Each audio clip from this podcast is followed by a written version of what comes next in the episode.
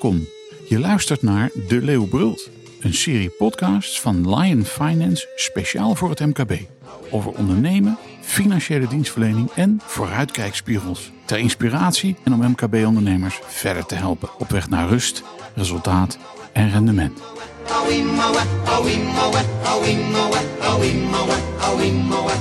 Fijn dat je luistert. De coronacrisis loopt ten einde, gaan we vanuit. En dus gaan we weer naar de werkplek toe. Terug naar het oude normaal. Maar is dat ook zo? Want overal horen we werknemers die thuiswerken eigenlijk wel prettig vonden. En dus vragen zij aan hun werkgever om meer dagen thuis te mogen werken. Hoe moet je hier als werkgever, met een ultra gespannen arbeidsmarkt, mee omgaan? Moet je het omarmen? Moet je je tegen verzetten? Bijvoorbeeld omdat het verwarring schept en de samenwerking bemoeilijkt?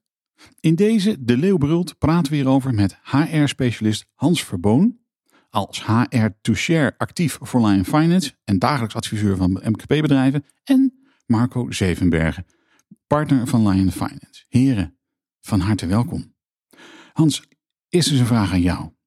Ehm, klopt het dat werknemers tijdens de coronacrisis gewend geraakt aan thuiswerken, dat die werknemers eigenlijk niet meer terug willen naar de oude situatie op de werkplek? Um, ik denk dat dat uh, klopt. Je ziet dat mensen gewend zijn aan een privé-werkbalans, waarin uh, het makkelijker is om dat te combineren.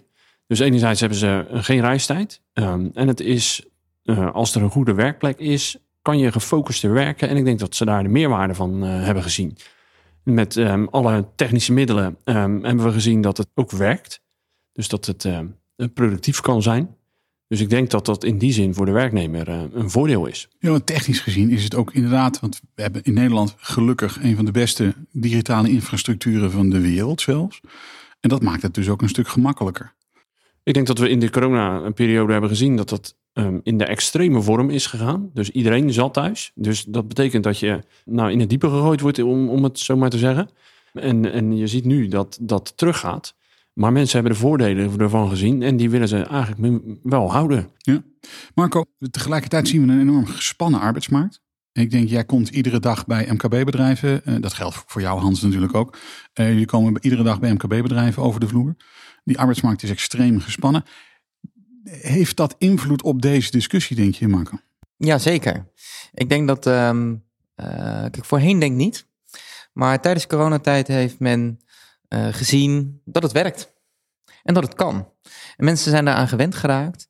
En uh, waarin het voorheen normaal was dat je bijvoorbeeld een uur enkele reizen in de file ging staan, uh, is dat nu niet meer, ja, wordt dat echt als bezwaarlijk gezien. Wat misschien ook wel terecht is. Ja, en, dat, en, en milieu heeft daar natuurlijk ook een rol bij te Zeker. spelen natuurlijk. Ja. Dat merk je vooral bij de jonge mensen die net van de universiteit of van de, van de school afkomen. Um, daar, daar, speelt dat een, uh, zeker een belangrijke rol. Ja. En Hans, ik, ik kan me zo voorstellen dat, um, dat MKB-ondernemers die zijn nu vooral gericht om weer terug te komen naar, de, naar het niveau wat ze hadden. Hè? Geldt natuurlijk niet voor alle bedrijven, maar er zijn, uh, laten we niet vergeten, er zijn behoorlijk wat ondernemers die geleden hebben onder corona. En nog steeds. Wat vind jij, hoe moeten ondernemers met die vraag van hun werknemers omgaan? Ehm, ik denk dat uh, je echt wel een positie moet hebben ten opzichte van het thuiswerken. Dus je moet denk ik zelf echt goed nadenken over hoe je daar tegenover staat.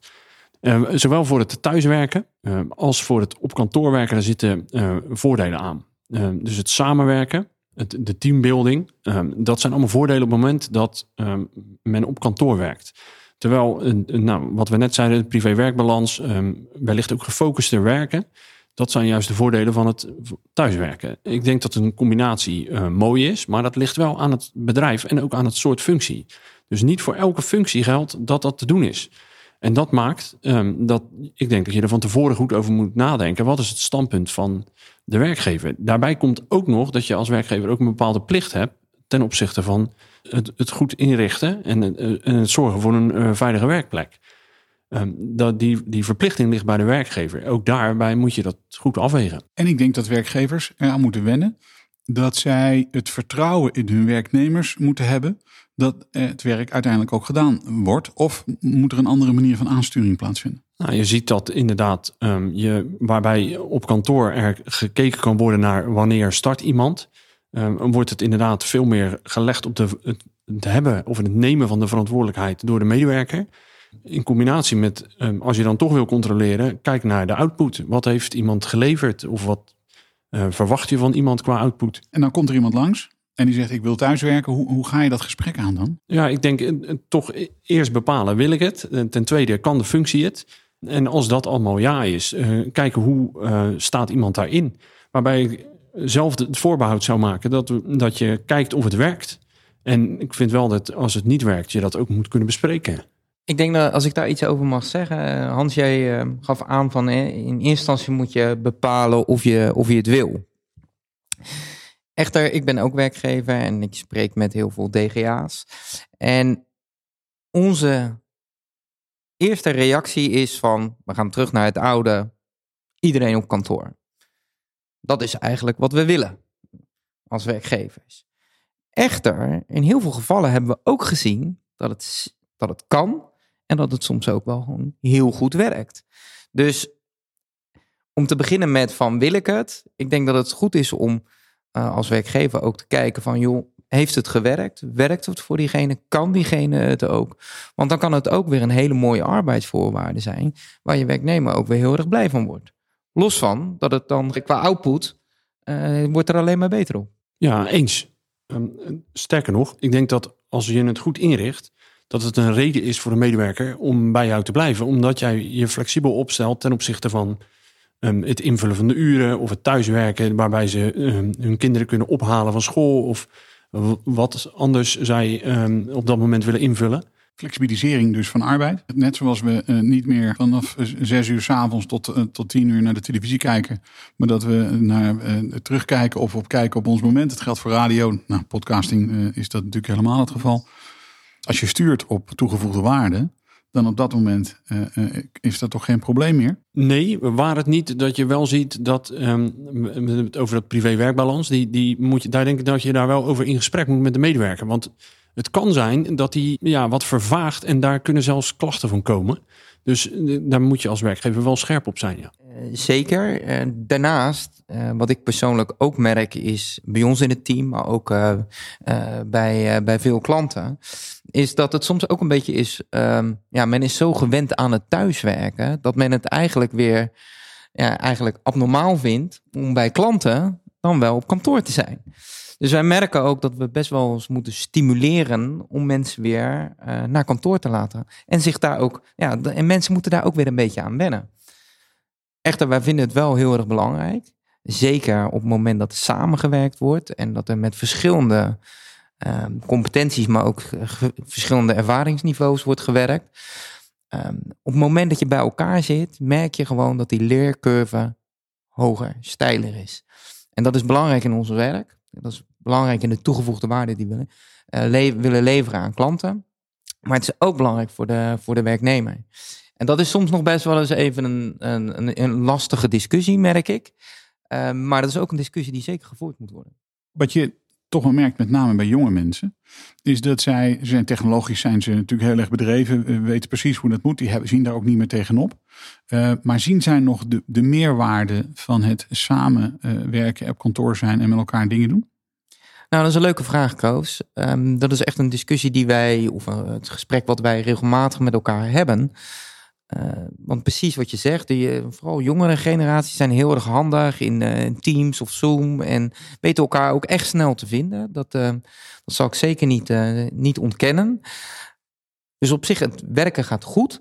Alleen, ehm, wat je soms ziet is dat ehm, door elkaar te horen, te zien of aan te voelen, ehm, dat doet heel veel in een in teamverband, in met elkaar werken en met, van elkaar leren. Ehm, door, je hoort een discussie niet in je, alleen eh, van je collega. Nou, daar kan je weer heel veel van leren.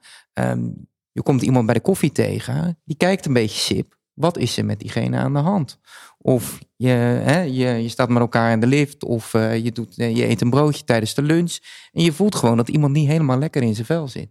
Dat zijn de dingen die je tijdens zo'n teammeeting, een teamsmeeting, ja, niet hebt. Dus het is heel erg belangrijk eh, in, het, in het samenwerken en het goed voor elkaar eh, zorgen. Dat, eh, dat je toch ook regelmatig op kantoor bent om dit soort dingen met elkaar eh, ja, te, te doen. Hans, hoe zie jij dat? Ik denk inderdaad dat je, ehm, als je op locatie bent, eh, je veel beter de sfeer op een afdeling kan, eh, kan eh, voelen. En eh, ook wat Marco zegt, eh, de persoon eh, kan eh, inschatten hoe die in zijn vel zit. Ehm, tegelijkertijd heb ik een eh, ervaring met sollicitatiegesprekken, waarbij we ehm, dat deden met eh, teams. Ehm, maar dat het de, de inschatting van de persoon, dat het in het, in het echte leven toch net anders was dan digitaal.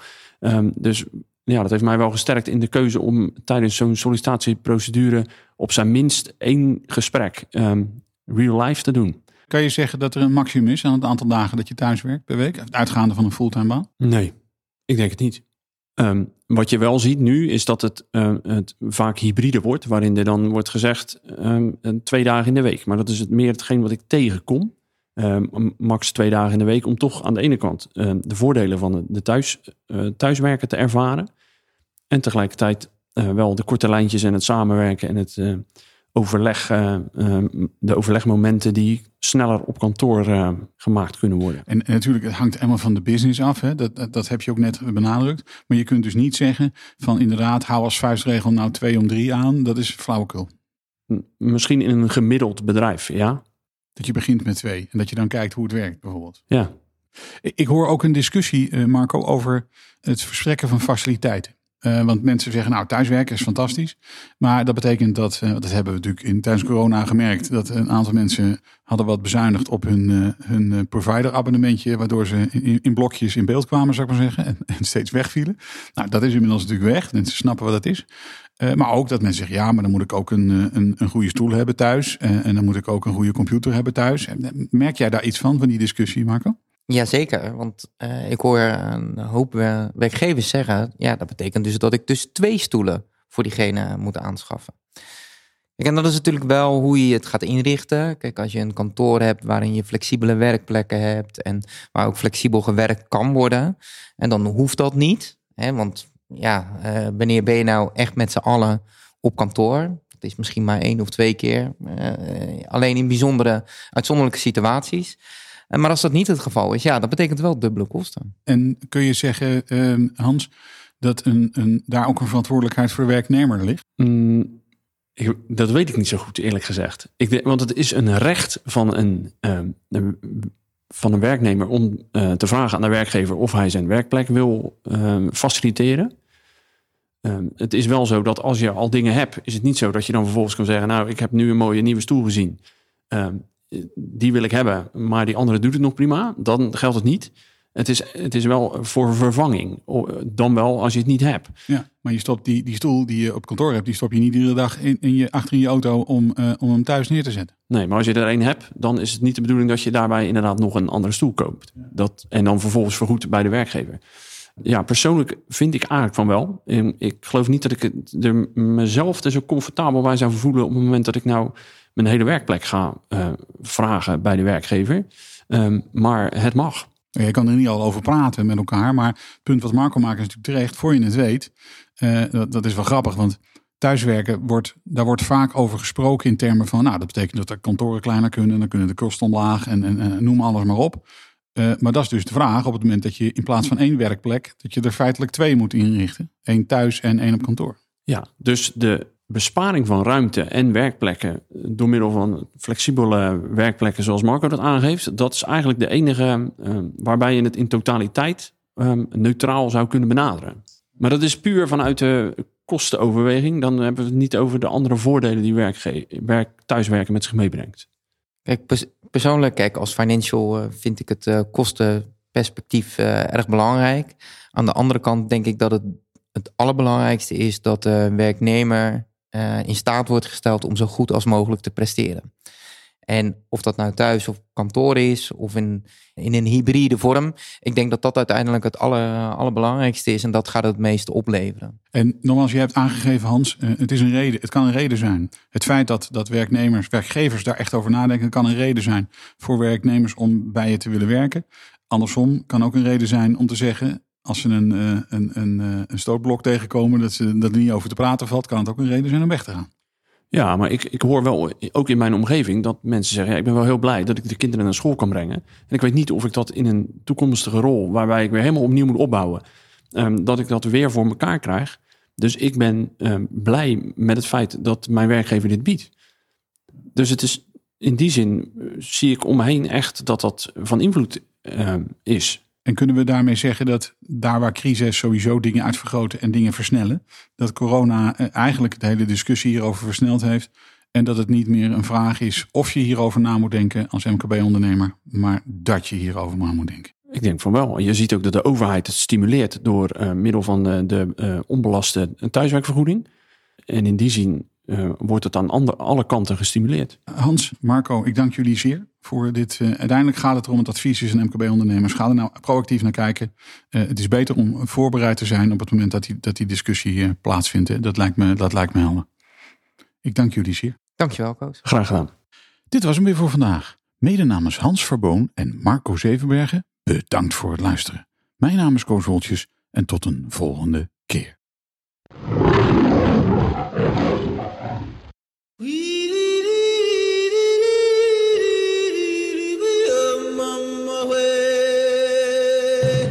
luisterde naar De Leeuwbult, een podcast van Lion Finance, speciaal voor het MKB.